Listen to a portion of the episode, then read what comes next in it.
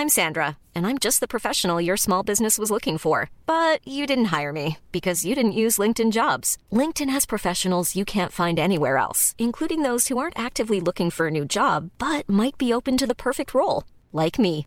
In a given month, over 70% of LinkedIn users don't visit other leading job sites. So if you're not looking on LinkedIn, you'll miss out on great candidates like Sandra. Start hiring professionals like a professional. Post your free job on linkedin.com/people today.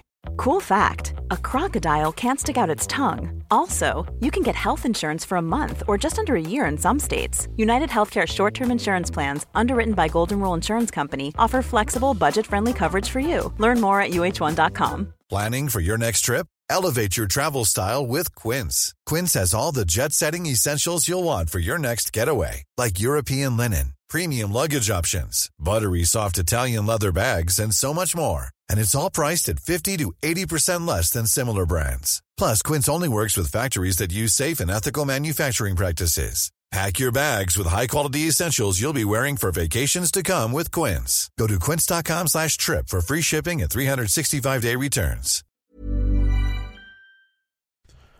Palmemordet, Norrmalmsutredningen, del 1. Sveriges statsminister Olof Palme är död. 90 000. Ja, det är mord på Sveavägen. Hörde de säger att det är Palme som är skjuten. Mordvapnet med säkerhet är en Smith Wesson, en revolver kaliber .357. Inte ett svar. Det finns inte ett svar. För jag har inget. Polisen söker en man i 35 till 40-årsåldern med mörkt hår och lång mörk rock. Det här avsnittet görs i samarbete med Maxulin.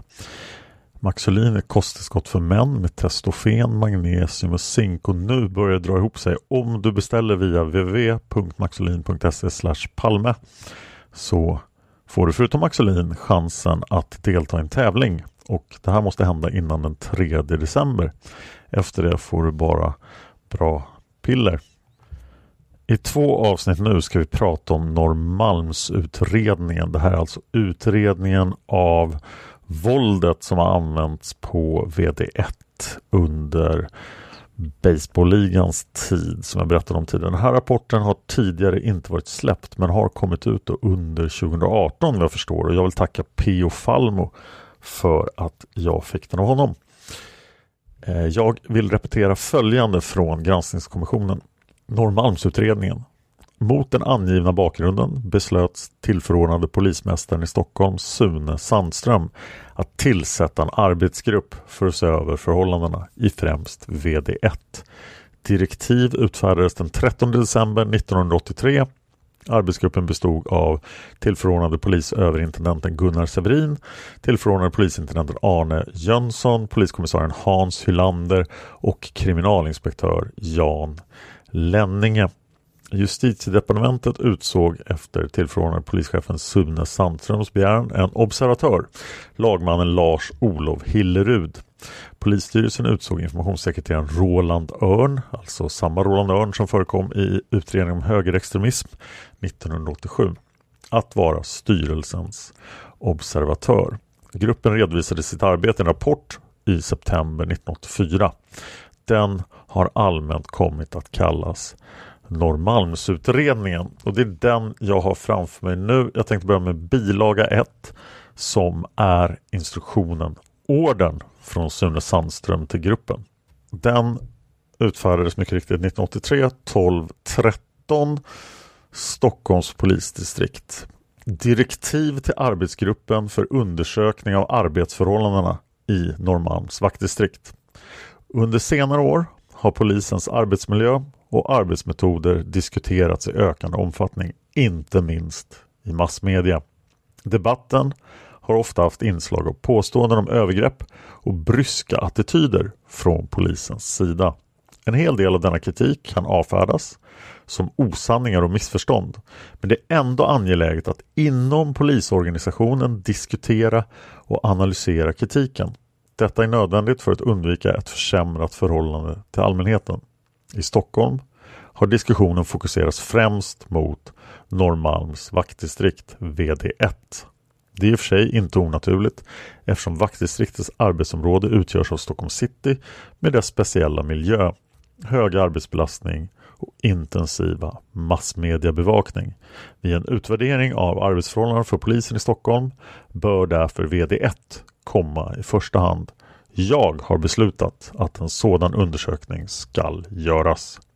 För undersökningen har jag tillsatt en arbetsgrupp under ledning av tillförordnade chefen för ordningsavdelningen Gunnar Severin. I arbetsgruppen ingår dessutom Arne Jönsson, Hans Lander och Jan Lenninge. Vid behov kan gruppen efter särskilt beslut förstärkas med utomstående expertis. Jag har också hos justitiedepartementet anhållit att en utomstående sakkunnig person utses att som observatör följa utredningen. Lagmannen i Sollentuna tingsrätt, Lars-Olov Hillerud, har utsatts för denna uppgift. Polisstyrelsen har utsatt, utsett Roland Örn för att vara styrelsens observatör i utredningen. Som underlag för undersökningen bör bland annat ingå en av representanter för personal i VD1 lämnad redogörelse för hur polismännen i VD1 själva upplever sin arbetssituation med hänsyn tagen till arbetsmiljö och kritik med utgångspunkt från denna redovisning samt en sammanställning av anmälningar och andra klagomål och av rapporterade våldsamt motstånd och våld eller hot om våld mot polis under de senaste två åren bör arbetsgruppen företa de intervjuer och enkäter som bedöms erforderliga för undersökningen. Ytterligare frågeställningar kan anmäla sig under undersökningens gång. Det är därför nödvändigt att lämna utrymme för kompletterande direktiv. Redan nu kan emellertid fastställas att vaktdistriktets stora personalstyrka och speciella arbetsförhållanden kräver en översyn av organisationen för arbetsledning. Till arbetsgruppen uppdras även att göra en översyn av vissa arbetsrutiner vid ordningsavdelningen såsom formerna för grupppatrullering i övervakningstjänst och användandet av SL-lokaler. Vidare ska gruppen göra en utvärdering av utbyggnadstakten av områdespolisverksamheten.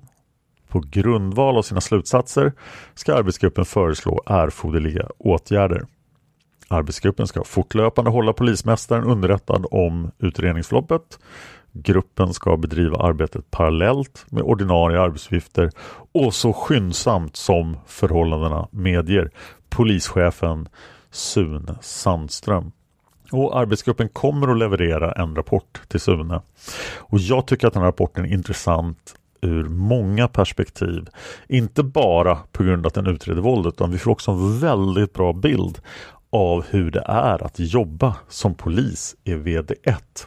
Och det kanske kan ge oss ökad förståelse för Baseballligan och även andra poliser. Till exempel polisman Bs utläggning till Roland Örn som ni hörde för några avsnitt sedan. Eh, kanske ni förstår lite bättre när ni har hört den här rapporten. Och här är rapporten. Stockholms polisdistrikt, ordningsavdelningen, utredningen Norrmalms vaktdistrikt.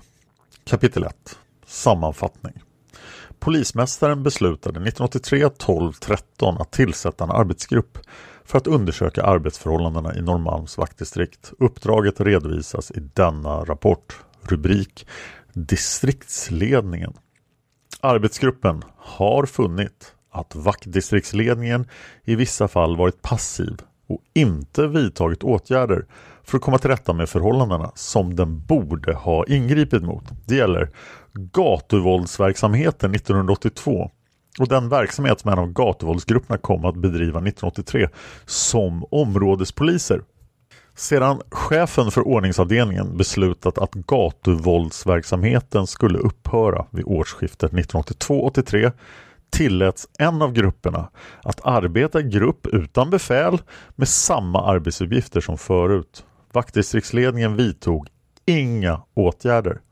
Vaktdistriktsledningen har beträffande gatuvåldsverksamheten 1982 i en verksamhetsberättelse inte redovisat några problem. Poliskommissarie i yttre tjänst har inte utnyttjats i tillräcklig omfattning. Dessa har känt sig hänga i luften i en tjänstgöringstur finns motstånd mot kvinnliga poliser. Missförhållandet har varit känt av vaktdistriktsledningen. Under utredningens gång har vaktdistriktsledningen anmält detta. Vaktdistriktsledningen har accepterat den våldsanvändning som redovisats i polismännens anmälningar. I några fall har vaktdistriktschefen påtalat den ofta förekommande användningen av handfängsel.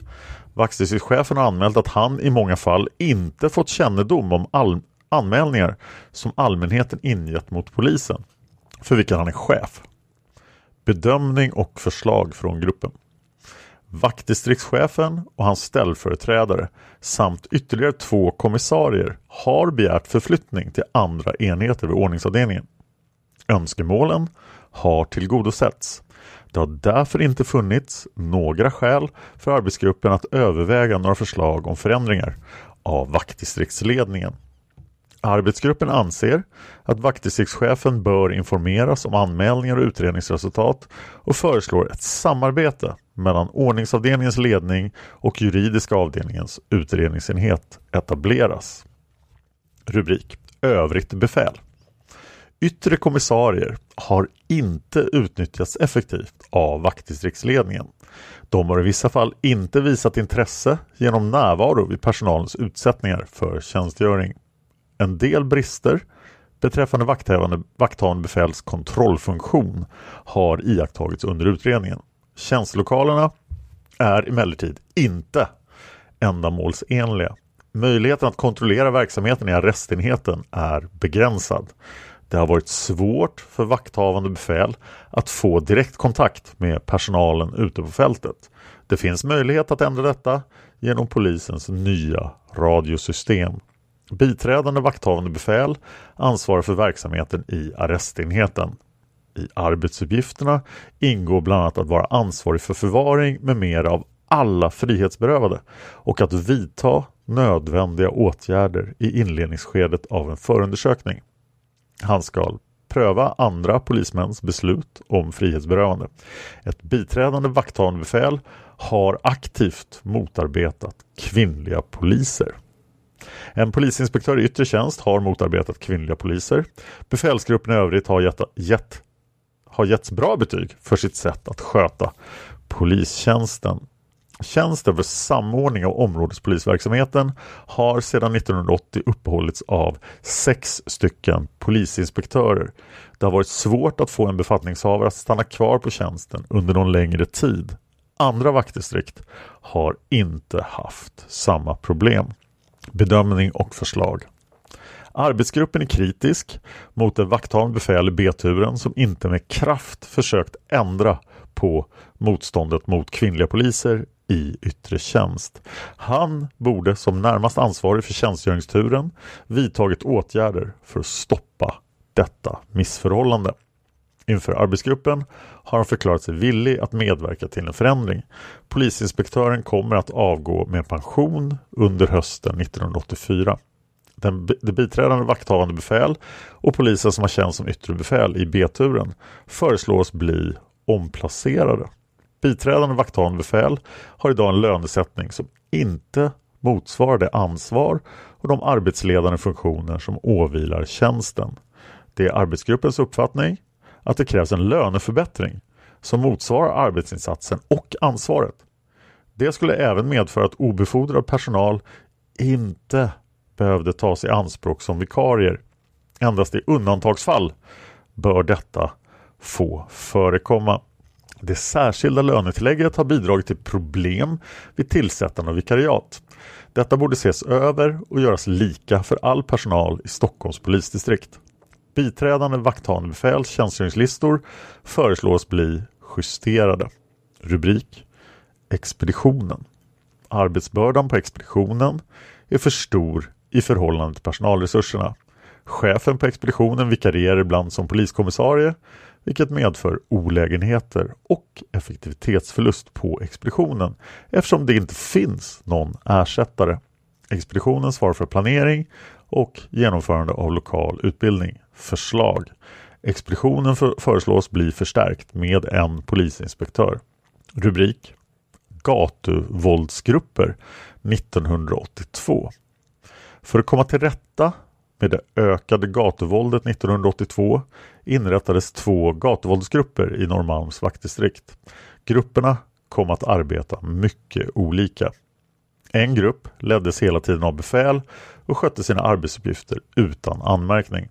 Den andra gruppen arbetade huvudsakligen civilt och kom efter en tid att få ändrad målinriktning genom att den i första hand kom ägna sig åt gatulangning. Gruppens arbetsmetoder kritiserades av arbetskamrater och massmedia. Kritiken fördes fram till vaktdistriktsledningen. Gruppen kom under en längre tid att arbeta utan befäl och leddes då av polismän inom gruppen enligt polisinstruktionens förmansbegrepp. Grupperna upplöstes vid årsskiftet 1982-1983 enligt beslut av chefen för ordningsavdelningen. Gruppens medlemmar var mycket energiska i tjänsten och nådde bra arbetsresultat. Bedömning det är arbetsgruppens uppfattning att den aktuella gatuvåldsgruppen gavs allt för fria händer av vaktdistriktsledningen. Några andra befäl synes inte ha känt något ansvar för gruppen. Gruppens medlemmar har omplacerats inom polisdistriktet. Ny rubrik Gatulangningsgrupper 1983. Grupperna som inrättades i mars 1983 föreslås få fortsätta sin verksamhet tills vidare. Det har inte anmälts några problem med dessa grupper i VD1.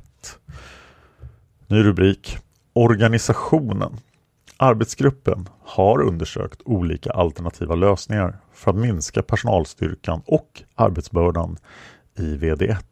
Det är en allmän uppfattning bland personalen i VD1 att distriktet är väl avvägt i storlek och personalstyrka. En utökning av antalet poliskommissarier har dock framförts som ett önskemål. Bedömning och förslag. Vid den avvägning som har gjorts har arbetsgruppen kommit till den slutsatsen att några större organisatoriska förändringar inte är nödvändiga. I annat sammanhang har föreslagits att hundpolisverksamheten i VD1 ska flyttas till annat vaktdistrikt. Förslaget tillstyrkas. De alternativa lösningar som övervägs har varit en ändring av distriktsgränserna, flyttning av vissa enheter från VD1 och en bibehållen organisation. Arbetsgruppen har funnit att det av flera skäl inte är lämpligt med en delning av nuvarande VD1. En flyttning av piketstyrkan skulle inte vara rationell.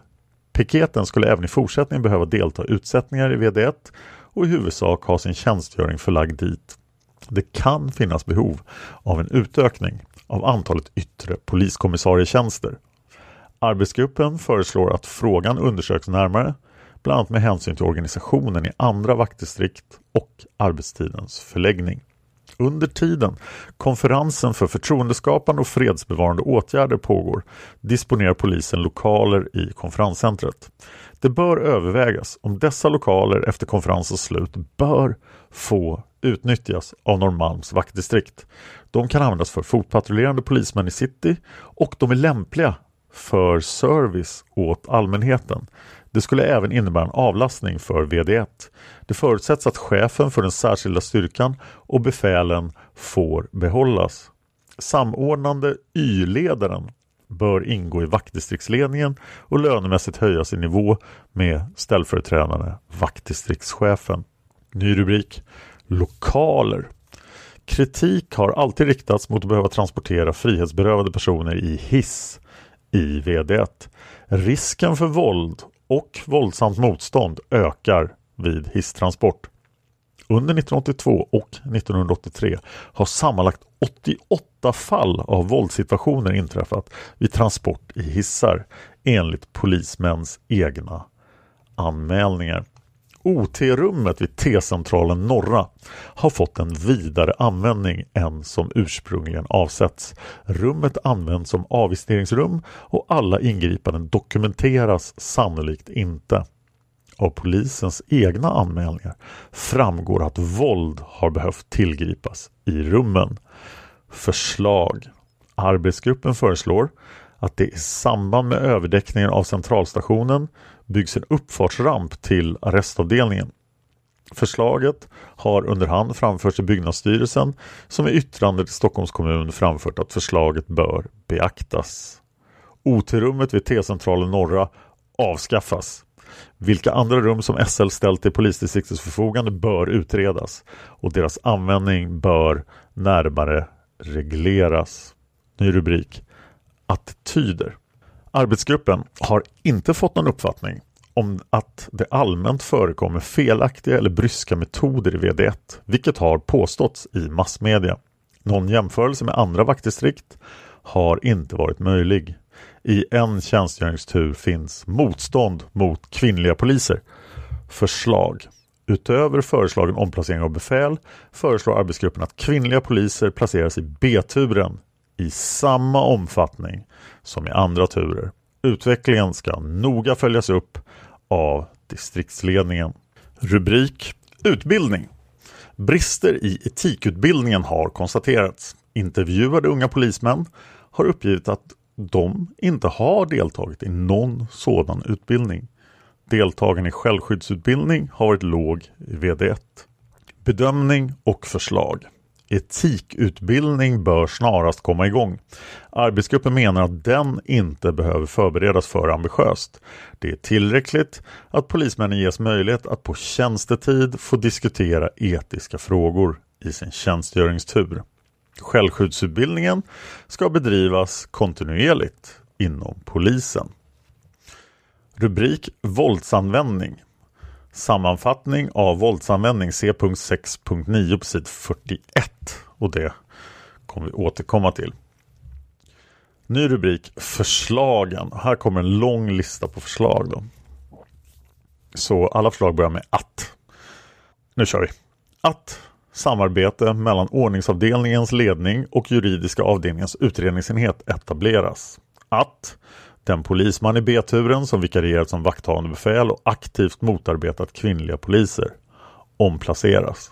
Att en polisman som har tjänst som yttre befäl i B-turen omplaceras. Att tjänsterna som biträdande vakthavande befäl höjs. Att tjänstgöringslistorna för biträdande vakthavande befäl justeras. Att ytterligare en tjänst som polisinspektör inrättas på expeditionen. Att Gatulangningsgrupperna får fortsätta sin verksamhet tills vidare. Att en utökning av antalet kommissarietjänster utreds. Att frågan om att få utnyttja lokalerna som disponeras i konferenscentret efter fredskonferensens slut närmare utreds. Att samordnande poliskommissarien för den yttre verksamheten lönemässigt höjs i nivå med ställföreträdande vaktdistriktschefen och får ingå i vaktdistriktsledningen. Att OT-rummet vid T-centralen norra avskaffas. Övriga kartläggs. Att en ramp till arrestavdelningen byggs. Arrestutrustningen ses över. Att kvinnliga poliser placeras i B-turen. Att distriktsledningen särskilt följer utvecklingen i B-turen. Att polismännen ges möjlighet diskutera etiska frågor på tjänstetid att vaktdistriktsledningen får ta del av anmälningar där polismän rapporterat våldsanvändning. Att polisdistriktet tillskriver Rikspolisstyrelsen med begäran om översyn av reglerna för handfängsel och annan våldsanvändning. Att begreppen punktbevakning och grupppatrullering närmare klargörs. Stockholms polisdistrikt, ordningsavdelningen, utredningen Norrmalms VD. Kapitel 2 Inledning 2.1 Allmänt På sensommaren 1983 beslutade polischefen Sune Sandström att tillsätta en arbetsgrupp för att se över förhållandena, främst i Norrmalms vaktdistrikt, VD1. En anledning var den intensiva massmediebevakningen av Norrmalms vaktdistrikt och påståenden om bryska attityder och övergrepp från polisens sida. Sandström bedömde det angeläget att inom polisorganisationen diskutera och analysera kritiken, även om en hel del av kritiken kunde avfärdas som osanningar och missförstånd. Den 13 december 1983 utfärdade Sandström direktiven för utredningen. Sen repeterar de vilka som utsågs. Utredningen har omfattat åren 1982 och 1983.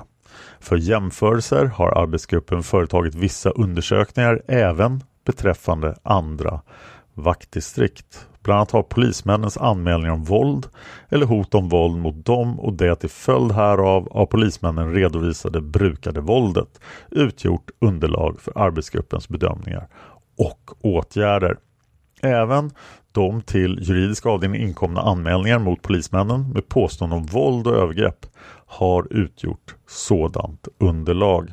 Arbetsgruppen har genomfört en enkät med poliser i VD1. Enskilda polismän har dessutom lämnat synpunkter på förhållandena i VD1. Utredningen har huvudsakligen bedrivits jämsides med ordinarie arbetsuppgifter. Sex heldagsarbeten i internat har genomförts. Företrädare för personalen i VD1 inkom i mitten av februari 1984 med en promemoria angående synpunkter på sin arbetssituation med hänsyn till miljö och arbetsförhållanden. Promemorian behandlades i utredningen under punkt 4. Under utredningens gång har arbetsgruppen sammanträffat med lagmannen Lars-Olov Hillerud vid 13 tillfällen och informationssekreteraren Roland Örn 12 gånger. Polismästaren och chefen för ordningsavdelningen har fortlöpande informerats om utredningen. 2.2 direktiven och det var alltså ordern som jag läste upp i början av avsnittet. 2.3 uppläggning och avgränsning projektplan. Arbetet har arbet Arbetsgruppen har arbetat efter bifogad projektplan bilaga 2. Planen har dock beträffande tiden för utredningen justerats. Stockholms polisdistrikt, ordningsavdelningen, utredningen Norrmalms VD, kapitel 3, bakgrundsbeskrivning. 3.1 Historik den organisationsförändring som genomfördes den 12 april 1972 och som var den mest genomgripande inom ordnings- och kriminalavdelningarna innebar i stora drag följande. Att antalet vaktdistrikt minskade från 13 till 6. Att personalen vid de centrala enheterna radiobilsektionen, piketen och hundförargruppen fördelades på vaktdistrikten att utrednings och spaningsverksamhet överfördes från vaktdistrikten till kriminalavdelningen. Att den vid ordningsavdelningen bedrivna tillståndsverksamheten överfördes till juridiska avdelningen. Omorganisationen syftade främst till att skapa möjligheter för en ökad allmän övervakning och ett minskat antal tjänster i inre tjänst vid ordningsavdelningen. Norrmalms Selling a little or a lot? Shopify helps you do your thing however you cha-ching. Shopify is the global commerce platform that helps you sell at every stage of your business. From the launch your online shop stage to the first real life store stage, all the way to the did we just hit a million orders stage.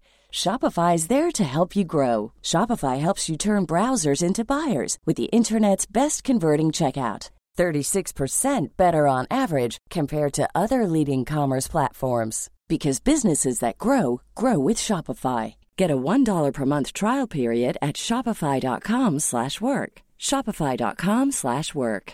Quality sleep is essential. That's why the Sleep Number Smart Bed is designed for your ever-evolving sleep needs. Need a bed that's firmer or softer on either side? Helps you sleep at a comfortable temperature? Sleep Number Smart Beds let you individualize your comfort so you sleep better together. JD Power ranks Sleep Number number 1 in customer satisfaction with mattresses purchased in-store. And now save 40% on the Sleep Number limited edition Smart Bed for a limited time. For JD Power 2023 award information, visit jdpower.com/awards. Only at Sleep Number stores or sleepnumber.com.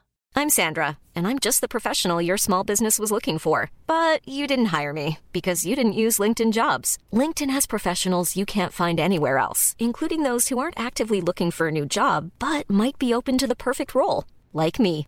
In a given month, over 70% of LinkedIn users don't visit other leading job sites. So if you're not looking on LinkedIn, you'll miss out on great candidates like Sandra. Start hiring professionals like a professional. Post your free job on linkedin.com/people slash people today. Vaktdistrikt VD1 tillkom genom sammanslagning av de tidigare vaktdistrikten 3, 4 och 5. Vaktdistrikt 3 var Kungsholmen, vaktdistrikt 4 var Klara och vaktdistrikt 5 var Adolf Fredrik. Av de sex vaktdistrikten fick VD1 den största personalstaten. Det står personalstaten, personalstaten, det är svårt att se. För VD1 fastställdes 384 polismanstjänster På grund av det då aktuella personalläget blev endast 299 tjänster besatta. Personalläget kom sedan i stort att bestå oförändrat under hela 70-talet. Stockholms polisdistrikts organisationskommitté som påbörjade sitt arbete 1977 kunde i samband med en utvärdering av omorganisationens effekter konstatera att antalet vakanta polismanstjänster inte hade minskat mellan åren 1972 till 1977. De nämnda förhållandena har efterhand förändrats. Vakanserna är numera fyllda. Det bör dock här nämnas att personalstaten, igen, minskat något. Polismännen har i princip anpassat sig och de trivs bra i vaktdistriktet. 3.2 Nulägesbeskrivning 3.21 Allmänt Personalförhållanden i VD1 har under åren stabiliserats. Polismän är hårt knutna till sin egen tjänstgöringstur och det tillhör ovanligheterna att någon byter. Man avstår gärna vikariat i annan tur och andra arbetsuppgifter för att få arbeta i den egna turens gemenskap. 3.2.2 Befolkningsunderlag Invånarantalet fördelade på församlingen inom vaktdistriktet framgår av nedanstående tabell. Klara 661 personer. Jakob 312 personer. Adolf Fredrik 5819 personer. Det är ju min församling. Gustav Vasa 10 908 personer. Matteus 22 647 personer. Kungsholmen 13 981 personer. Sankt Göran som ju är den andra församlingen på Kungsholmen 24 623 personer. Essingeöarna 5670 personer. Totalt i VD1 84 585 personer. Siffrorna är från SCBs tabell 1982 12 31. Klara och Jakobs församlingar är mycket små och utgör tillsammans knappt tusen personer. I denna del av vaktdistriktet verkar dock ett mycket stort antal människor. Många arbetsplatser, varuhus och restauranger är belägna inom området. Där finns också ett stort antal biografer, teatrar och dansställen. Av genomförd trafikräkning vid SL och SJ framgår att nära en halv miljon människor passerar eller rör sig dagligen i Stockholms centrala delar. Okej, nu kom det ordet personalstat igen så jag var tvungen att eh, kolla upp det i förvaltning historisk ordbok. Eh, personalstaten beskrivs som en detaljerad sammanställning av statens utgifter för löner för olika befattningsinnehavare. För nu har vi kommit fram till 3.2.3 vaktdistriktets personalstat. Men här låter det som att personalstat är hur många personer de är. Vaktdistriktets personalstat har minskat från att, vara, från att 1976 ha varit 393 polismän till att 1983 vara 367. I denna summa ingår även piketpersonalen som från och med 1979 administreras vid centralsektionen. Befälsorganisationen har under samma period i stort varit oförändrad. Den har omfattat sex poliskommissarier och polisinspektörer i ett varierande antal mellan 58 och 76 stycken. Minskningen av antalet PAPM beror bland annat på en omvandling av tjänster genomförts. I ett utbyte av tjänster som PA PM har polisdistriktet erhållit motsvarande antal högre tjänster vid kriminalavdelningen. Bland annat har förstärkning av insatser för bekämpning av ekonomiska brott och narkotikabrott genomförts. Sen kommer en tabell över personalen men den repeterar i princip vad vi precis sa. 3.24 Vaktdistriktets organisation. Vaktdistriktets organisation framgår av bifogad organisationsplan bilaga 3. Som det framgår av planen finns i VD1, även i VD3, en kommissarietjänst för bland annat planering och samordning av verksamheten på fältet. Dessutom finns i de båda vaktdistrikten biträdande vakthavande befäl som leder arbetet i arrestenheten och den utredningsverksamhet, förstahandsåtgärder som förekommer i vaktdistriktet. I VD1 och VD3 finns också piketpersonal för särskilda insatser och allmän övervakning. Vi har kommit fram till kapitel 4, VD1, personalens syn på sin arbetsmiljö. Företrädare för personalen har till arbetsgruppen överlämnat en promemoria angående synpunkter på hur polispersonalen i VD1 upplever sin arbetssituation med hänsyn till arbetsmiljö och arbetsuppgifter. De synpunkter i rapporten som arbetsgruppen ej berört i sin rapport och som berör interna förhållanden kommer att föras vidare till den avdelning, byrå inom polisdistriktet som normalt ska handlägga dessa frågor. Promemorian bilaga 4. Kapitel 5 Problembeskrivning 5.1 Allmänt De problem och andra förhållanden som arbetsgruppen funnit anledning att undersöka närmare och som redovisas under detta avsnitt har kommit fram vid genomgång av bland annat anmälningar om våld mot polis med mera. Anmälningar om misstänkt våld av polis, enkätsvar och samtal. Därutöver har företrädare för personalen i miljöbeskrivning redovisat förhållanden som man inte är nöjd med. Se bilaga 4. Vi kommer att ta upp bilaga 4 på slutet av nästa avsnitt. Arbetsgruppen återkommer till problemen under avsnittet 6 överväganden och förslag. 5.2 Arbetsledning och organisation 5.2.1 Inledning. En viktig fråga att undersöka har varit hur arbetsledningen fungerar i VD1. Vissa brister som utredningen funnit anledning att påtala hade sannolikt kunnat rättas till om arbetsledningen ingripit i tid. I enkätsvaren har de tillfrågade uppgivit att de är nöjda med sin arbetsledning och har förtroende för den. Det framkom dock uppgifter som visar att kontrollverksamheten inte fungerade tillfredsställande och att regler för civiltjänstgöring var diffusa. Arbetsledarfrågor och ledningsansvar kommer att redovisas under varje avsnitt där problemen kan förekomma. 5.2.2 Distriktsledning Distriktsledningen utgörs av vaktdistriktschef, VDC och ställföreträdande vaktdistriktschef, VDC. Den organisatoriska uppbyggnaden är i detta fall lika i alla vaktdistrikt. VD-ledningen har mångårig erfarenhet av förhållanden i VD1 men rutiner, arbetsförhållanden och andra speciella omständigheter har grundlagts långt före den aktuella ledningens ansvarsperiod. Utredningen omfattar åren 1982 och 1983 och under denna tid är den utredningen aktuella distriktsledningen ansvarig för verksamheten. Problem som vd-ledningen bland annat ställts inför under 1982 och 1983 vilka arbetsgruppen ansett bör behandlas närmare är följande. Efter polismästarens beslut 1982 om att bilda särskilda gatuvåldsgrupper, GVG, för bekämpning av gatuvåldet inrättades i VD1 två grupper. En i vardera C och G-turen C.5.5.2. Verksamheten i dessa gatuvåldsgrupper påbörjades i mars månad 1982 och pågick till årets slut. VD-ledningen informerades för flera tillfällen och från flera håll om att en av gruppernas, G-turen, arbetsmetoder ifrågasattes.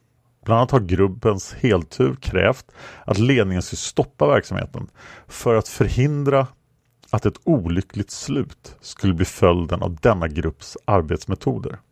VD-ledningen vidtog emellertid inga verksamma åtgärder för att stoppa bland annat den tendens till stegrad våldsanvändning som redovisades dels genom polismännens egna rapporter och dels genom framförda klagomål mot gruppen.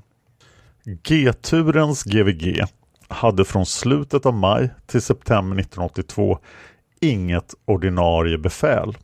Gruppen gjorde sig känd som mycket arbetsvillig och det är i VD1 en gemensam uppfattning att den delvis rensade de centrala delarna från narkotikalangare, missbrukare och bråkmakare och därmed verksamt bidrog till bättre ordning i Stockholms city.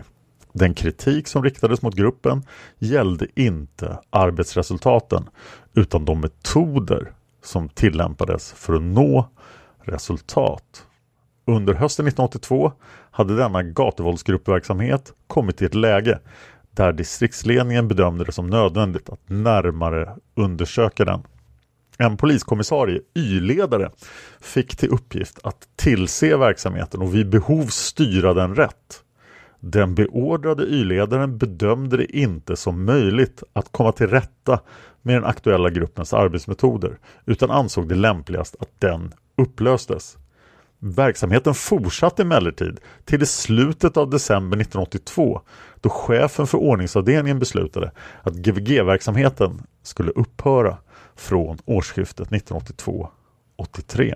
Medlemmarna i G-turens GVG kom efter upplösningen att placeras i skilda områden som områdespoliser, de flesta i H-turen. Områdspolisverksamhet enligt gällande tjänsteföreskrifter synes dock inte ha bedrivits i någon större omfattning av dessa poliser. Man kan istället hävda att de fortsatte huvudsakligen med GVG-verksamheten men bokfördes som områdespoliser. Polisinspektör med uppgift att samordna områdespolisverksamheten försökte vid flera tillfällen att ändra inriktningen för områdespoliserna från G-turens GVG utan att lyckas. Förhållandet anmäldes till vaktdistriktsledningen. Distriktsledningen företog ingen åtgärd. Och det har under utredningen framkommit att ledningen har varit medveten om polismännens sätt att arbeta. I oktober 1983 inträffade den händelse som ledde till att flera polismän som tidigare ingått i G-turens GVG anhölls som misstänkta för bland annat olaga tvång. VDC har uppgivit att områdespolisverksamheten bygger på självständighet och egna initiativ. Användning av områdespoliser till annan verksamhet har varit en fråga om prioritering.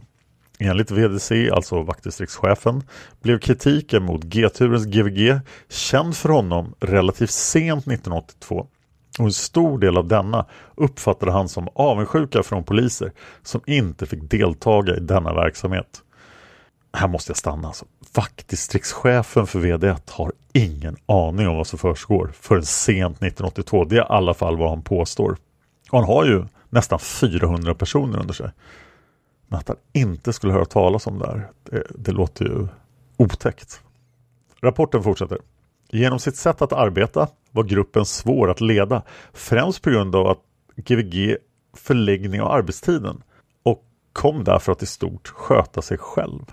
Utredningen konstaterat att övervägande antalet ingripanden gjorts när polismännen i G-turens GVG i tjänsten burit civila kläder. Ingripanden har i huvudsak riktats mot ordningsstörning och gatulangning. Tjänstgöring i civila kläder har givits en framträdande roll. Civiltjänstgöring i denna omfattning överstämde inte med givna direktiv. Arbetsmetodiken skulle istället vara att civila spanare skulle stöttas av uniformerad personal. Så skedde till exempel i C-turens GVG vars arbete därigenom kom att helt skilja sig från G-turen i fråga om arbetssätt. Av polismännens egna rapporter om våld, hot om våld mot tjänstemän och våldsamt motstånd framgår att de i övervägande antal fall som rapporterats har varit civilt klädda. VDC har i sin verksamhetsberättelse för 1982 till OC inte framfört några anmärkningar beträffande gatuvåldsgruppens verksamhet. Beträffande tjänstgöring i civila kläder kan konstateras att VDC och ställföreträdande VDC har olika uppfattning. Ställföreträdande VDC har uppgivit att han anser att tjänstgöringen i huvudsak ska bedrivas i uniform men har med hänsyn till sin tjänsteställning inte kunnat hävda denna uppfattning. VDC har föredragit civil tjänstgöring vilket gett ett bättre resultat i form av fler rapporter. Den repressiva verksamheten har prioriterats. Ledarna av den yttre tjänsten, samtliga Y-ledare, har uppgivit att distriktsledningen enligt deras uppfattning inte tagit deras tjänster i anspråk i tillräcklig omfattning. C.5.2.3. De har känt sig hänga i luften och anser sig inte ha kunnat påverka eller styra vare sig gatuvåldsgruppen eller områdespolisverksamheten. VDC har kritiserat att han inte alltid haft kännedom om eller allt för sent fått reda på klagomål som riktats mot personal som står under hans ledning. Anmälningar om misshandel kunde till och med lett till åtal mot någon polisman utan att vaktdistriktschefen fått kännedom om detta. Han har därmed inte kunnat förhindra att någon polisman fortsatt med en tjänstgöring för vilket han möjligen varit olämplig eller kunnat vidtaga andra åtgärder på grund av ett missförhållande. Under intervjuer och samtal med VDC, ställföreträdande VDC och samordnande Y-ledaren har framkommit brister i samarbetet mellan ställföreträdande VDC och samordnande Y-ledaren. Förhållandet kan ha inverkat på verksamheten. Punkt 5.2.3 Poliskommissarier med yttre tjänst, parentes Y-ledare, slutparentes. Vaktdistriktet har en poliskommissarie för planering och samordning av fältverksamheten kallad samordnande Y-ledare och tre kommissarier som bland annat svarar för den direkta arbetsledningen på fältet. Samordnande Y-ledaren har uppgivit att han inte i tillräcklig omfattning känt stöd och uppskattning för sitt arbete. Mellan honom och ställföreträdande vaktdistriktschefen förelåg samarbetssvårigheter. De tre poliskommissarierna med yttre tjänst fungerar klanderfritt i samband med att de har särskilt beordrade uppgifter att lösa men har själva däremellan uppgivit sig ha en känsla av att hänga i luften. De har inte känt stöd för att ta sig an viss verksamhet. Ingen av Y-ledarna har känt något ansvar för gatuvåldsgruppsverksamheten. Och samma är förhållandet med områdespolisverksamheten. Ansvaret för denna del anser de helt ha legat på vaktdistriktsledningen. Man har även framfört att de haft svårt att påverka den kontinuerliga vitsordsgivningen. Punkt 5.2.4 Vakthavande befäl. Det finns åtta stycken vakthavande befäl. Några befattningshavare nalkas pensionsåldern och en av tjänsterna uppehålls på vikariat. Vakthavande befäl har genom sin rumsplacering på polisstationen ingen möjlighet att kontrollera all verksamhet. Därtill är tjänstelokalerna för långt åtskilda. Endast i särskilda beslutsärenden får vakthavande befäl kännedom om införda personer på polisstationen. Jämför nästa punkt 525. Någon kontinuerlig kontroll av personalens tjänstgöring, närvarokontroll, raster, måltidsuppehåll, fysisk träning när de slutar för dagen synes inte förekomma i tillräcklig omfattning. Personal som kan vara aktuell för denna kontroll har uppgivit att de anmäler avbrott i tjänstgöringen endast via radio till driftsektionens ledningscentral, ODL. Uppgifterna har framkommit via enkäter har även i visst fall konstaterats av arbetsgruppen. Utsättning till dagens arbete görs i många fall av tjänstgöringsturens yttre befäl. Punkt 525 Biträdande vakthavande befäl Åtta biträdande vakthavande befäl svarar för verksamheten vid arrestenheten. De är ansvariga för alla frihetsberövade personer som införs eller förvaras där. De flesta införda är omhändertagna enligt lag om omhändertagande av berusande personen, personer, LOB, och lag om tillfälligt omhändertagande, LTO. Totalt bokfördes enligt IM-rutinen. IM betyder alltså ingripande meddelande och det kommer vi komma tillbaka till massor när vi ska prata om IM-listan. Och det här är åren då. 1982 så var antalet personer på VD1 15 932 personer, VD3 9 911 personer och alla de andra vaktdistrikten 16 887. 1983 hade det minskat något på VD1 till 14 680 personer. Eh, minskat lite på VD3, 9 358 personer och minskat på övriga till 15 771 personer. Eh, så 83 var ett fredligare år än 82, förmodligen på grund av gatuvåldsgrupperna. I arrestenheten har biträdande vakthavande befäl samma befogenheter som vakthavande befäl och har självständigt att bedöma om exempelvis ett gripande ska bestå eller ej. Därutöver har de bland annat att granska och godkänna rapporter och besluta om åtgärder som annars åvilar vakthavande befäl. De måste ibland kontakta åklagare för eventuellt anhållningsbeslut. Biträdande vakthavande befäl har den lägsta lönegraden inom inspektörsskiktet, vilket är till nackdel vid vikariat på tjänsten. Finns det tillgång till polisinspektör i den så kallade svaromålsgruppen har dessa att fullgöra tjänst som biträdande vakthavande befäl. I annat fall uppehålls funktionen på vikariat av obefordrad polisman. Yttre befäl kommer inte i fråga som biträdande vakthavande befäl. Att granska och kunna ta ställning till arbetskamraters bedömningar när de har frihetsberövat någon är en svår arbetsuppgift. I arrestenheten finns flera avvisiteringsställen. Det är inte möjligt för en befattningshavare att ha kontroll över alla dessa avvisiteringsställen samtidigt. Nuvarande tjänstgöringslistor täcker en dubblering av biträdande vakthavande befäl mellan klockan 11 och 19 samt mellan klockan 21 och 02. Punkt 526 Polisinspektör parentes polisinspektör yttre tjänst. Det finns åtta polisinspektörer i vardera radiobilgruppen, piketen och övervakningsgruppen samt fyra polisinspektörer vid centralstationens övervakningsgrupp. Därutöver finns ytterligare befäl som närmast har att svara för uppkomna vikariatsbehov.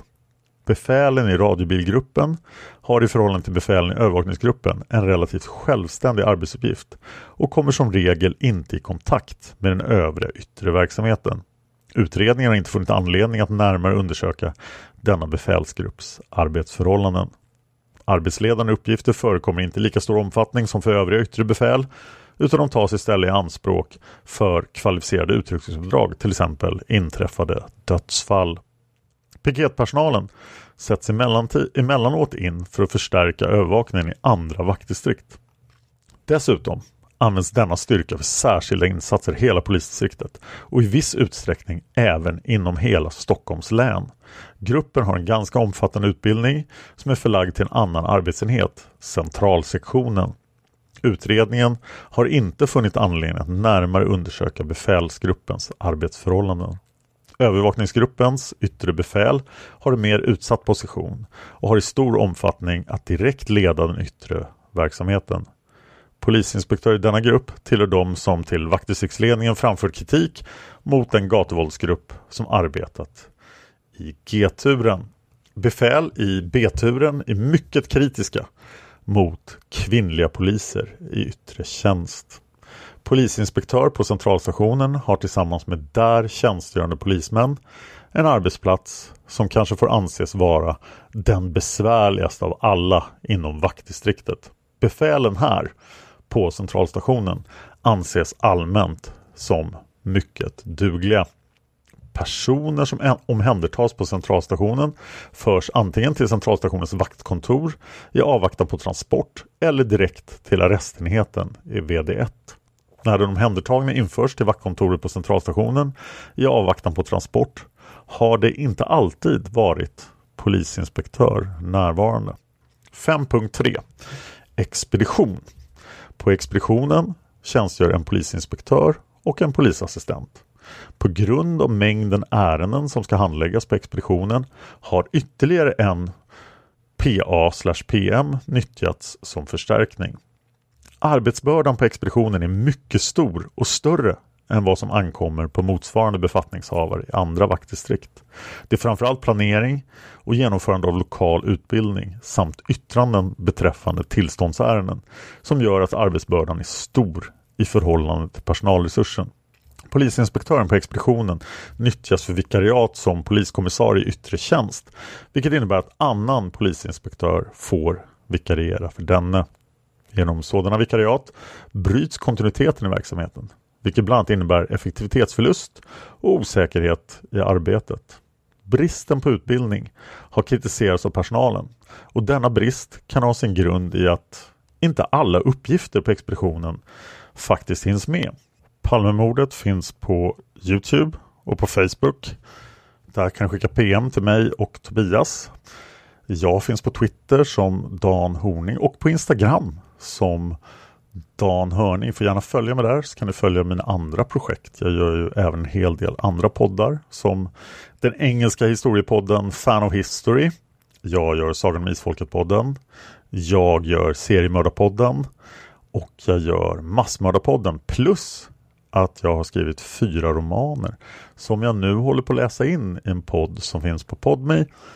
Eh, Podme.com. Podden heter Dan Hörnings fantasyserie Mörkret. Vi samarbetar med Nextory. Om ni går till nextory.se kampanjkod skriver koden PALME så får ni 30 dagars gratis tillgång till e-böcker och ljudböcker. Bland annat flera bra titlar av Gunnar Wall. Jag vill gärna ha iTunes-recensioner om ni lyssnar på den här podden på en Apple-plattform så får ni hemskt gärna lämna recensioner och berätta vad ni tycker. Jag kommer svara på alla recensioner i podden. Tack till alla som sponsrar Palmemordet på patreon.com palmemordet. Ni kommer att få en inbjudan till Palmevandringen den 28 februari 2019. Och tack till dig för att du lyssnar på Palmemordet. Man hittar Palmes mördare om man följer PKK-spåret till botten. För att ända sedan Julius Caesars tid har det aldrig hört talas om ett mord på en framstående politiker som inte haft politiska skäl. Polisens och åklagarens teori var att han ensam hade skjutit Olof Palme. Och det ledde också till rättegång. Men han frikändes i hovrätten. Nu ska vi ut på rövarstråt. Ja, vi ska ut och röva. Imagine the softest sheets you've ever felt. Now imagine them getting even softer over time. That's what you'll feel with Bowl and Branch's organic cotton sheets. In a recent customer survey, 96% replied that Bowl and Branch sheets get softer with every wash. Start getting your best night's sleep in these sheets that get softer and softer for years to come. Try their sheets with a 30-night guarantee. Plus, get 15% off your first order at bowlandbranch.com. Code BUTTERY. Exclusions apply. See site for details. Hi, I'm Daniel, founder of Pretty Litter. Did you know cats tend to hide symptoms of sickness and pain? I learned this the hard way after losing my cat, Gingy. So I created Pretty Litter, a health monitoring litter that helps detect early signs of illness by changing colors, saving you money and potentially your cat's life. Pretty Litter is veterinarian developed, and it's the easiest way to keep tabs on your fur baby's health right at home. Go to prettylitter.com and use code ACAST for 20% off your first order and a free cat toy. Terms and conditions apply. See site for details. Hey, it's Paige DeSorbo from Giggly Squad. High quality fashion without the price tag? Say hello to Quince. I'm snagging high end essentials like cozy cashmere sweaters, sleek leather jackets, fine jewelry, and so much more. With Quince being 50 to 80% less than similar brands and they partner with factories that prioritize safe ethical and responsible manufacturing i love that luxury quality within reach. Go to quince.com slash style to get free shipping and 365 day returns on your next order. quince.com slash style